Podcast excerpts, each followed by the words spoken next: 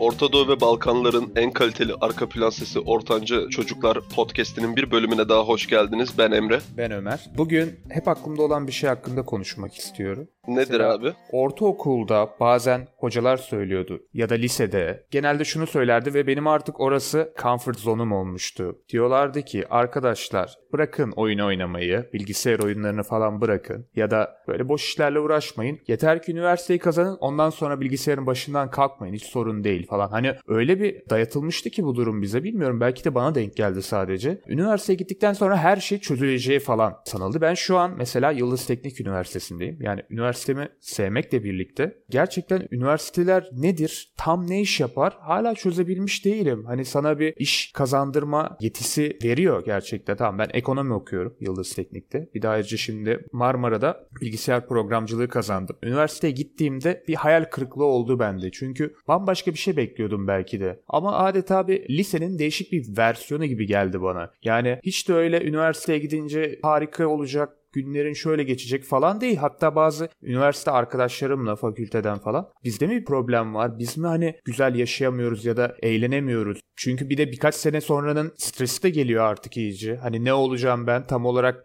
Nereye yönelmeliyim? Tabii ki de bu mesela Emrecan senin için geçerli değil. Hani sen sonuçta olacağın şey aşağı yukarı belli yani. En kötü bir pratisyen doktor olursun yani hiçbir şekilde uğraşmasan bu saatten sonra. Sonra da hani kendi uzmanlığın üzerine yönelirsin. Ama mesela atıyorum ülkenin %95'i böyle bir şey yaşıyor. Ben ne olacağım? Ve hani üniversiteye git kurtul mantığında öğretiliyor insanlara. Ya sence bu doğru mu? Yani benim hiç aklım almıyor ve okumak tabii ki de güzeldir ama okumak diye bir şey yok ki sanki ortada. Okumaya karşı bir insan da değilim. Bunu şu an iki üniversite okuyan bir insan olarak söylüyorum. Sence bunlar ne ifade ediyor tam olarak? Ya bence şöyle Türk gençliğine herhangi bir şekilde hani bak burada hata da biraz eğitim sisteminde bir rehberlik verilmiyor. Mesela şimdi çok basit. Bizim de hani çocukluktan beri takıldığımız arkadaşlarımız var. Kendi üniversitelerimizde edindiğimiz çevre var. Kendi bölümümüzde bile görüyoruz abi. Bu adam bu bölüme uygun değil diyorsun. Benim fakültemden açıkça söyleyeyim. Birkaç tane gördüğüm tipleme var. Doktor olacaklarına hala inanamıyorum. Kaçıncı sınıfa geldik artık bitireceğiz fakülteyi ve gerçekten atanacak bu insanlar. Kendimin de bazen inanamıyorum da. Basit bir şekilde abi ülkede herhangi bir rehberlik sistemi yok.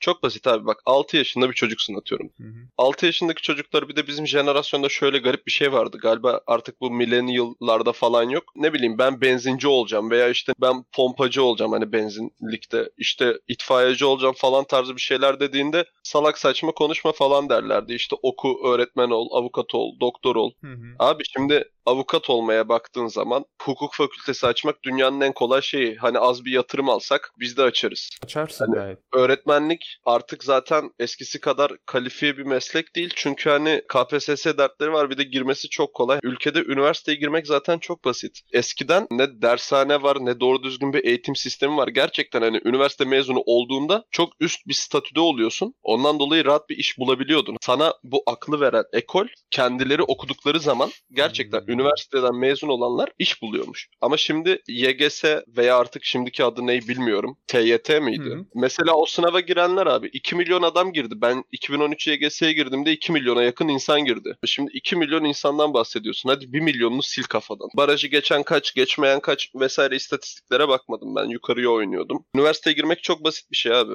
Değil mi? Bu kadar basit bir şekilde üniversiteye giriyorsun. Tamam mı? Hani gerçekten adını soyadını doldurup barajı geçmek için 5 soru 10 soru falan matematik yapsan barajı geçiyorsun. Adın soyadın da kodlu bir şekilde geliyordu bizim zamanımızda. Hani hata yapamıyordun o konuda. 5 soru matematik çözsen gidip bir yerde sırf okumak için okuyabileceğin bir ton bölüm vardı. Mesela annem benim lisans mezunu fakat o zamanları anlatıyor. Köyde yaşadığı zamanlar herhangi bir kitap ellerine bile geçmiyormuş. 80'li yıllardan bahsediyorum. Bayağı eski ama mesela 90'lı yıllarla hani 2000'li yılları bile karşılaştırdığında her sene katlanarak bu iş giderek daha kolaylaşıyor. Artık herkes üniversiteli elinde diploma olabilir. Bu hiçbir şeyi artık sanki ifade etmiyor değil mi? Öyle abi. Mesela bak benim annem devlet parasız yatılıyla okudu. Onun yetiştiği jenerasyonda kızların okuması zaten yasak gibi bir şeydi. Ortaokuldan itibaren okumayacak falan dediler hatta. Annem zorla okudu. Devlet parasız yatılıyla işte okudu. Liseyi Tokat'ta Sağlık Meslek Lisesi vardı galiba oradan okudu. Üniversite sınavında da sağlık puanıyla zaten meslek lisesi puanıyla 2 yıllık hemşirelik kazandı Cerrahpaşa'da. Annem hani lisede de üniversitede de üniversitede falan uygulamalı dersleri seviyormuş. Kendisi şu an emekli. 91 mezunu olması lazım yanlış hatırlamıyorsam. O anlatıyor. Mesela ödev falan verildiği zaman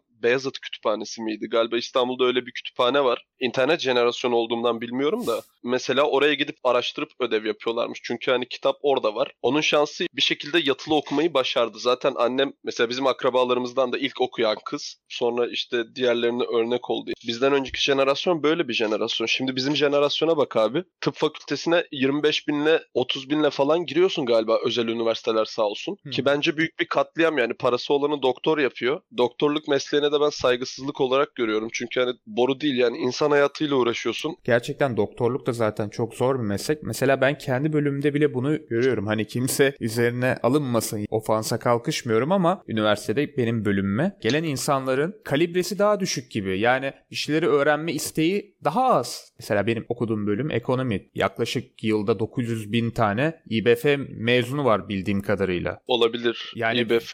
ben 40 binle girmiştim TM'den. Şu an 100 bin, 110 bin civarlarında dolaşıyor. Mesela matematiği kalkülüsten çevirdiler. Basit matematik, temel matematik sadece türev, integral yeterli olduğu kadar öğretilmeye başladı. Sormuştum hocaya neden diye. Öğrencilerin zorlandığı söylenmiş. Abi bak ben şimdi benim verdiğim örneği toparlayayım. Mesela tıptan örnek veriyorum 25 bin boru değil falan derken şöyle. Hani Türkiye'deki herhangi bir sınavda ilk 10 bine girmenin yolu hani bak TUS'a bile 17-18 bin kişi giriyor. Barajı geçtiğinde falan ilk 10 bine giriyorsun. Olay basit. Günlük düzenli bir çalışma mantığın varsa Türkiye'deki her sınavda ilk 10 bine girersin. Bu konuyla ilgili ofansif olarak düşünüyorsanız düşünebilirsiniz ama bunun en büyük örneği benim. Türkiye'deki herhangi bir sınavda ilk 10 bine girmenin tek yolu, en basit yolu günlük 3 saat çalışmaktır. 3 saat 1 dakika çalışırsan 10 binden daha iyi bir derece yaparsın. Bunu ben lise sınavında da yaptım. Üniversite sınavında da yaptım. TUS'ta da yapıyorum. TUS'ta da rahat bir şekilde ilk 10 bine girerim. Demek istediğim şu mesela. Üniversiteye giriş çok rahat bir şey. Okunan bölümlerdeki mesela zaten lisede de galiba müfredatı hafifletiyorlar gitgide. Hı hı. Yetiştirilen öğrencinin zaten kalifiye öğrenci yetiştirildiğini de düşünmüyorum. Mesela bak şöyle bir örnek vereyim ben. Kendisi belki kızacak ama mesela kız arkadaşım abi.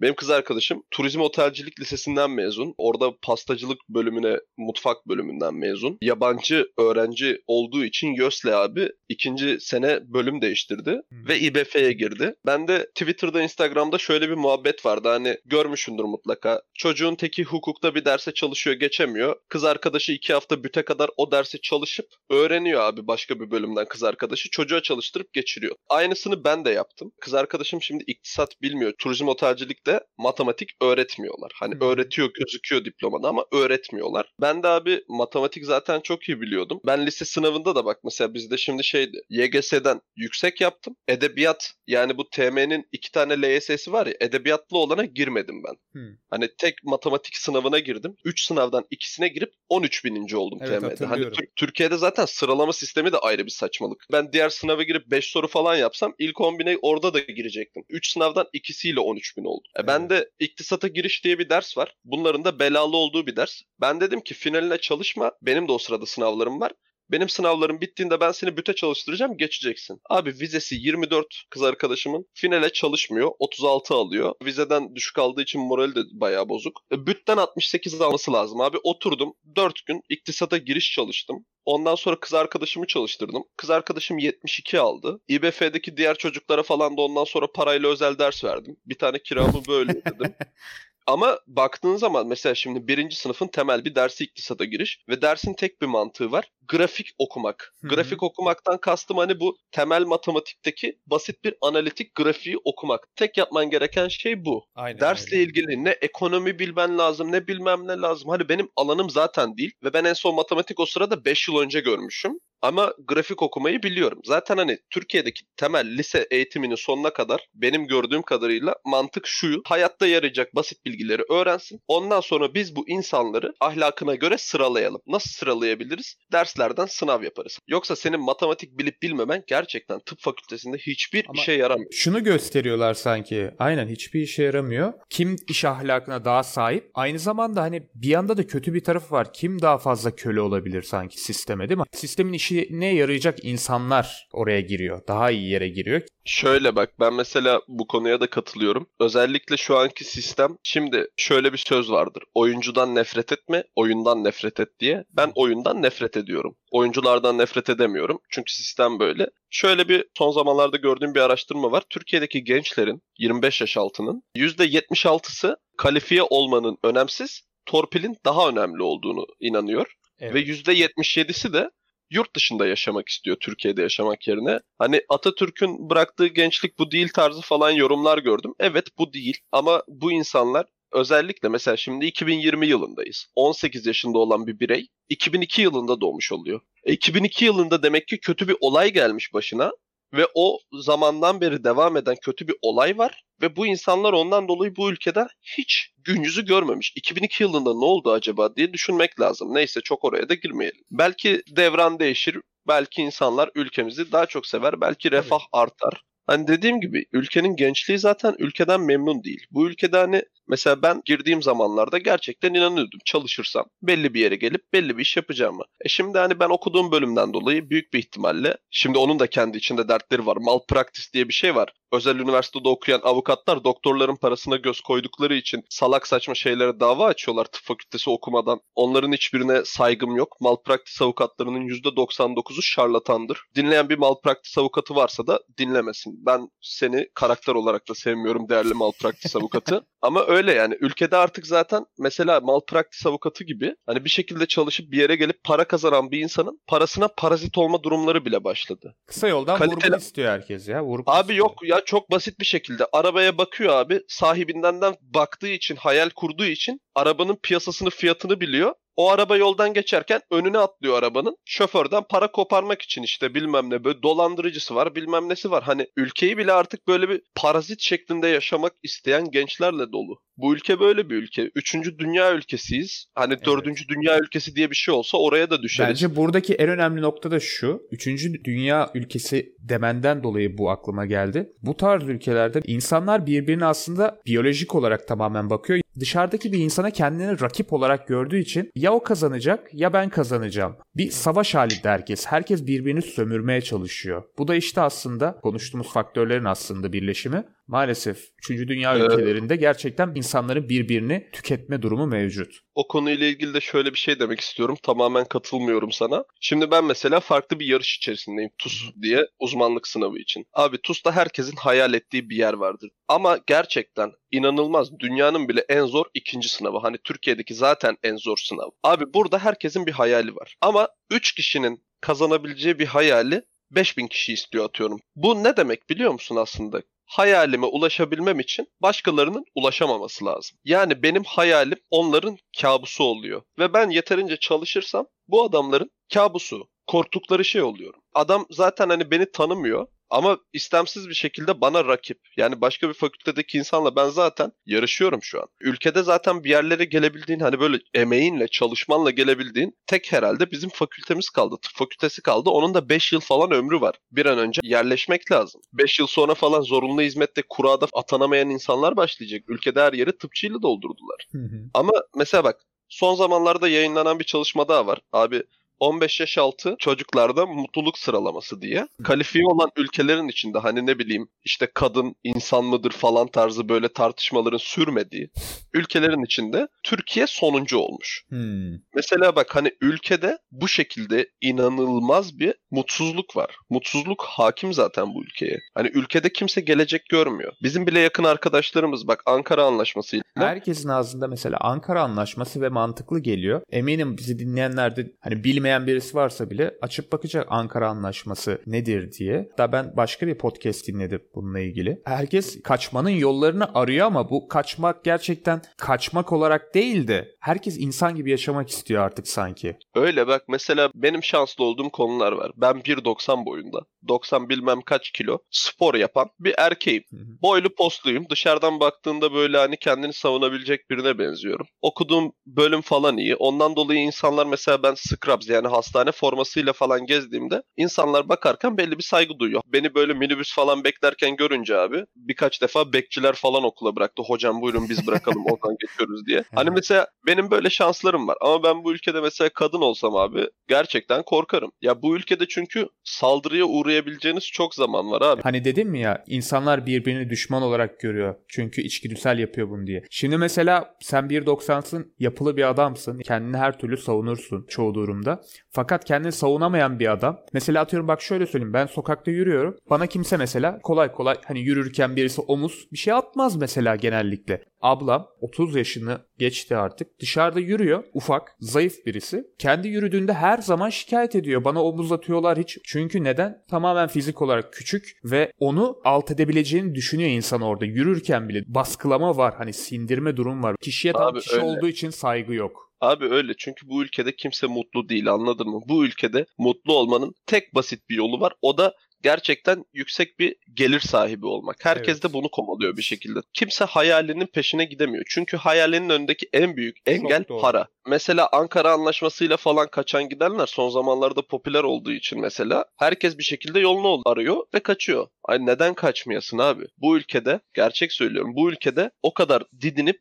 orta sınıf hayatı bile yaşayamayacakken senin aynı yaptığını yemin ediyorum seninle paralel bir yaşamı süren bir Hans, bir Michael Evet. senin 10 katın daha refah içinde yaşarken sen burada neden sürünüyorsun? Senden daha rezil yerler yok mu var? Hani o ülkeleri de artık zaten silah kaçakçıları falan yönetiyor abi. Orada demokrasinin olmadığı yerlerle falan refah yarışındasın. Doktorluk çok kutsal bir meslek. Senin de hayalin de biliyorum. Zamanı geri alsak lise zamanlarına. Seni oradan direkt İngiltere'ye ya Londra'ya yollasak mesela. Orada personal trainer olsan saati 80-90-100 pound'a birilerine idman yaptırırsan hangi yolu seçerdin? Hani onu istemez miydin şu an gidip orada müthiş bir hayat kursan kendi kötü mü olurdu sence? Abi bak ben sana şöyle söyleyeyim. Beni abi şimdi alsınlar. Şunun şurasında kaldı kaç ay? 9 ay sonra falan mezun olacağım. Bana deseler ki Emre hani bak biliyorum yaşını aldın ama bunları unut. Gel seni koyalım şu Avrupa'da veya Amerika'da olabilir. Hı hı. Orada sıfırdan üniversite hayatına başlaya da okeyim. Hani Hı hı. üniversiteyi boş ver. Bu kadar gelirin olacağı bir yerde yükselme fırsatın var ya da yok. Bu şekilde bana bir hayat sunsalar ben burayı da bırakırım. Çünkü hani benim zaten nihai amacım daha mutlu olduğum bir yere gitmek. Ben ülkede mutlu olamıyorum abi. Ülke Mümkün değil. ya bu ülkede gerçekten sürekli stres içindeyiz. Yani tamam parası olan işte çok olaya somut bakan birisi şöyle diyebilir gerçekten. Ya kardeşim yediğin önünde yemediğin arkandan neyin derdini yapıyorsun falan. Ama arkadaşlar olay çok farklı değil mi? Yani, ya sen şimdi gerçekten dışarıda yürüdüğünde bir, can güvenliğini geçtim. Biz gerçekten iri insanlar olarak yani 90 kilo üstü insanlar olarak ürküyoruz değil mi dışarıda bile? Normal bir insan ne yapsın? Neden? Abi o- Kimsenin birbirine saygısı yok. Her an bir yerden bir kurşun gelip vurulabilirsin. Allah korusun tabii ama bu böyle bir ortamda herkesin gergin olduğu bir ortamda mutlu olma şansın da yok ki çünkü mutluluk tamamen toplumla alakalı giden bir şey zaten. Öyle abi bak hatırlarsın 2005, 6 hatta 9'a kadar falan böyle hani Linkin Park falan o sene Rock'n Coke'a gelmişti değil mi? Abi bak o Rock'n Coke'a taksiyle 12 liraya gittiğimiz bir yerde oturuyorduk biz. 12 lira bak. Bizim meydandan Rock'n Coke'a taksi 12 lira yazıyordu. Hı hı. Böyle bir zamanda yaşamaya ben okeyim. 2008-2009 vesaire hani bu zamanlardan bahsediyoruz. Bundan 11 yıl önce. Böyle bir yerden şimdi zaten hani koronadan moronadan dolayı toplanmayı bırak. Refahı falan da unut geç. Her türlü ben artık alıştım. Çoğu insan da alışmıştır artık 7-8 yıldır özellikle son Hı hı. sürekli stres içinde olmayı ara sıra stres bile atabileceğin bir ülke değil. Bu ülkede abi sen kapalı bir ortamda sigara iç veya alkol kullan neyse ne. Ama Ramazan ayı ise mesela mekanı basıp dövebilirler falan yani. Hani mesela Ramazan ayında bile sigara içmeye korkuyorsun. Hani mesela özellikle iddia siteleri falan bunu açıyor abi. İlk Ramazan dayağı hangi şehirde atılır Evet. falan. Genelde Konya kazanıyor. Erzurum'la falan çekişiyorlar böyle bazen. Hani bu ülke böyle bir yer. İnsanlar inandıkları şeyleri bile doğru düzgün anlamamış. Tabii. Eğitim zaten yok. Şu an sözü geçen jenerasyon gerçekten hani zamanında okumadan da böyle bir şekilde hayat kurulabilen, nispeten daha iyi, daha refah içinde bir Türkiye'den gelmişler. Zaten darbe üstüne darbe falan da görmüşler. Ondan dolayı çok kolay da böyle yamulan insanlar değil, aza tamah eden insanlar. Evet. Hani gelecekle ilgili bir kaygıları yok. Adam mesela gitsin günlük 50 lira kazansın, rahat ediyordur bir şekilde. Eve hani damacana yüksek- gelsin işte doğal gazımız var mantığında. O düşünceler zaten milatta kalmış düşünceler. Eskiyle şimdiyi karşılaştırırsın ama bir şeyle karşılaştırır. Zaten sen otomatikman yıllar geçtikçe büyüyeceksin. Ülke olarak Öyle abi. zaten. Öyle abi bak bunun ülkesini geç tamam mı? Amerika'da okuduğum bir araştırma bu. Abi Amerika'da bakıyorlar IQ'nun relatif olarak gelişimine, ortalama IQ'nun. Mesela abi alıyorlar 60-70 yaşındaki insanları günümüz IQ testlerine sokuyorlar. Hı hı. Abi bu yaş grubu ortalama 70 alıyor. 70'te zeka geriliğinin alt sınırı 70. Hani 70'ten düşükse zeka geriliği olarak değerlendiriliyorsun. Hatta bunun kitabı terimi de yanlış hatırlamıyorsam 70 ile 61 arasında moron deniyordu galiba. Hani eskiden. Şu an kullanılmıyor o terim de. Hakaret olduğu için falan duyar kasılmalardan dolayı. Gençleri alıyorlar abi. 20 yaş grubunu alıyorlar. Bu 70 yaşların genç olduğu yıllar. Yani 80'lerin IQ testini yapıyorlar onlara da. E bu çocuklar da 130 alıyor. E 130 da üstün zekanın alt sınırı tamam mı? 130 üzerinde IQ'un varsa artık Einstein'la falan kapışıyorsun. Adamın 140 bilmem kaç IQ'su var. Ortalama zeka testleri bile bu kadar kısa bir sürede inanılmaz gelişmiş. 70 yaşındaki bir insan senin standartlarına göre geri zekalılık sınırında, sense onun standartlarına göre üstün zeka sınırındasın. Evet. Hani zeka anlayış bile bu şekilde gelişiyor tamam Aynen. mı? Benim gördüğüm artık IQ testi, IQ'nuz ne kadar falan bunların hiçbir önemi yok. IQ sadece bir şeyi hızlı çözebilme becerisidir. Şunu sen de biliyorsun. Dünyadaki en başarılı insanlar gerçekten garip bir durum. IQ'su ortalamanın bir tık altında olan insanlarmış. Tabii ki de buna bir sürü faktör ekleyebilirsin. Zeki insan hani kafası daha çabuk Yok. dağılabilir, daha fazla e, kafasında bir şeyler döndürebilir. Ha tabii ki diğeri salaktır da döndüremez demiyoruz elbette ama Yo ben şunu diyorum onunla ilgili abi. Büyük ihtimalle sonunu düşünmeden iş yapıyordur. Tutanları başarılı olarak görüyorsun ama tutmayanları genelde tabii. görmediğimiz için öyledir. Konuyu bir toplayacak olursak biraz kaçtık sağa sola. E, Şu an üniversite okumak sana mesela ne kadar cazip geliyor? Okusan ne okulurdun ya da arada kalmış bir insan sen ne söylerdin şu an? Türkiye'de kalmayı düşünüyorsa girmesi gereken tek sektör sağlık sektörüdür. Bunu sadece tıp olarak söylemiyorum. Teknikerlik olabilir, hemşirelik kesinlikle olabilir. Herhangi bir cinsiyet bariyeri olmadan yani erkek hemşire de çok yaygın olmaya başladı. Üniversitede bolca var. Bundan 5 yıl sonra falan artık standart göreceğimiz bir şey. Eskiden hani mesela benim annem hemşire. Yanlarında çalışan erkek hemşire hatırlamıyorum. Ölmeyecek tek şey sağlık sektörü çünkü insanlar kendine bakamıyor. Ondan dolayı mutlaka sağlık sektörüne ihtiyaç olacak. Onun dışında da zekilerse ilk 5000'delerse uçak mühendisliğini ciddi olarak düşünsünler, yazmasınlar. 5000'den sonraya 7000. ise falan tıp yazsın daha garanti. Garantici bir insan için sağlık sektörü gayet mantıklı. Hani daha ileri düşünüyorum ben diyen insan için Türkiye'de kalacağım diyorsa bir insan ben de oradan gireyim önce. Daha çok meslek edinebilecek şeylere girerse bence çok daha mantıklı olur. Teorinin daha az olduğu. Mesela bir şey öğrenmek istiyor musun? Atıyorum ekonomi bilimiyle ilgili bir şeyler öğrenmek istiyor musun? Kitap okursun bol bol. Sonra sosyal antropolojiyle ilgili kitaplar okursun evrimi anlarsın ya da dünyanın bu zamana kadar nasıl geldiğini anlarsın. Çoğu şeyi kendi başına da öğrenebilir insan. Bu ülkede bir insan kalacaksa daha çok somut ve meslek edinilebilecek bölümleri okuması bence daha da faydalı olur. Mesela özellikle son yıllarda iyice yazılım da ileride belli ki çoğu şeyi yapay zekalara bırakacağız. O yüzden Sağlıktan bir örnek vereyim. Radyoloji abi TUS'ta en yüksek puandı. Artık puanı düşmeye başladı. Çünkü yapay zeka %99 nokta bilmem kaç oranda radyologla aynı teşhisi koyabiliyor. Yani bundan 20 yıl sonra falan Türkiye'de 100 yıl sonraya kadar hı. gidebilir de çünkü burası Türkiye. Radyoloji diye bir bilimi insanlar yapmayabilir. Ben bir de şöyle bir şey söylemek istiyorum son kez. Kişisel bir tecrübedir bu. Ben abi Türkiye'nin benim zamanımda en iyi şu an nasıl bilmiyorum ortaokulunda okudum. Bahçeşehir Koleji. Bahçeşehir'deki şubesinde okudum hatta. Hani direkt merkezde. Burslu okudum tabii oraya param yetmeyeceği için. Ama mesela o zamanlar şey var. İleride mekatronik mühendisliği çok revaçta olacak. Zekiler yazsın bilmem ne. Hiçbir bok olmadı. Hepsi galiba aç şu an. Hani sakın 5 yıl sonra bu çok tutacak dediğiniz her şeye de inanmayın. bence de. Bu ülkeyi bir inceleyin. Mesela 2023 yılında ülke çok da değişebilir. İyi yönde de olabilir, kötü yönde de olabilir. Çünkü seçimler vesaireler falan filan var. Bu tarz hani ülkenin kaderini belirleyecek şeylere biraz dikkat etmeniz lazım ülkede kalacaksanız. Ülkenin durumuna bağlı olarak bu kararı yani 2-3 yıl içinde vermeniz lazım. Birdenbire ben tamam kaçmak istiyorum demeyin. 2-3 yıllık bir plan yapın kendinize. Ondan sonra eleştirin. Ben mesela 5 yıllık düşünmemin sonunda, 5 yıllık planımın sonunda burada yapamayacağımı anladım ve önümüzdeki 10 yıl içindeki hedefim de ülkeden ayrılmak. Buna yönelik çalışıyorum şu an sadece. Hı hı. Yurt dışında çıkan bir insan için şunu gördüm ben İsveç'e gittiğimde. Orada çoğu insan, çoğu arkadaşım yazılım sektöründe bir şeyler yapıyorlardı ya da moleküler biyoloji, genetik. %60-70'i buralardaydı ve orada kalabilecek ileri iyi bir Avrupa ülkesinde özellikle tutunabileceksen yazılım sektörü seni orada tutabilir. Bilgisayar bilimleriyle alakalıysan, grafik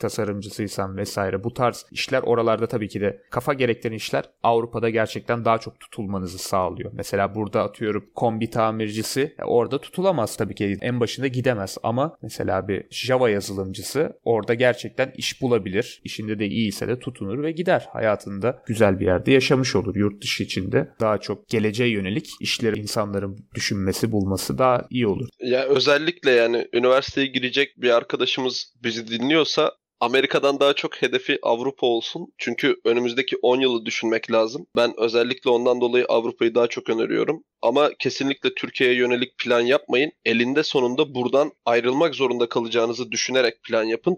Ankara Anlaşması 2020'nin sonuna kadar yani 15 Ekim'e kadar artık hani yapan yapacak ama en son ihtimal 2020'nin sonuna kadar hani Ankara Anlaşması'nı kullandınız kullandınız bu da bilginiz olsun. Eğer biraz cebinizde para var ve iş yapayım ya da bir şekilde orada tutunayım böyle bir düşünceniz varsa da bilginiz olsun. Yaklaşık 3 ayınız var. Umarım herkes istediği yere gelir. Arkadaşlar bir Patreon hesabı başlattık. Başlatmamızdaki sebep de şu. Biz bu podcast'i daha ileri götürmek istiyoruz. Bunun için de mikrofon özellikle çok pahalı ve webcam ihtiyacımız var. Ama bizim şu an henüz mezun olmadığımız için bunları karşılayamıyoruz. Ondan dolayı aranızdan bağış yapmak isteyen olursa diye daha rahat bağış yapabilin diye Patreon hesabı açtık. Orada paketler vesaireler var veya onun dışında siz kendiniz herhangi bir ekipman vesaire yardımı yapmak isterseniz Instagram veya mailimiz ortancacocuklar3@gmail.com ile bize ulaşabilirsiniz. Yani oradaki amaç para kazanmak değil, yaptığımız podcast'i ilerilere götürmek. Çünkü biz podcast'ten öteye de geçme planlarımız var. Hani 5 yıllık bir plan yaparak başladık biz bu işe. Birinci yılın sonuna kadar elde etmek istediğimiz belli bir yer var. Bunun için de yardımınıza maalesef ihtiyaç duyuyoruz. Çünkü tüm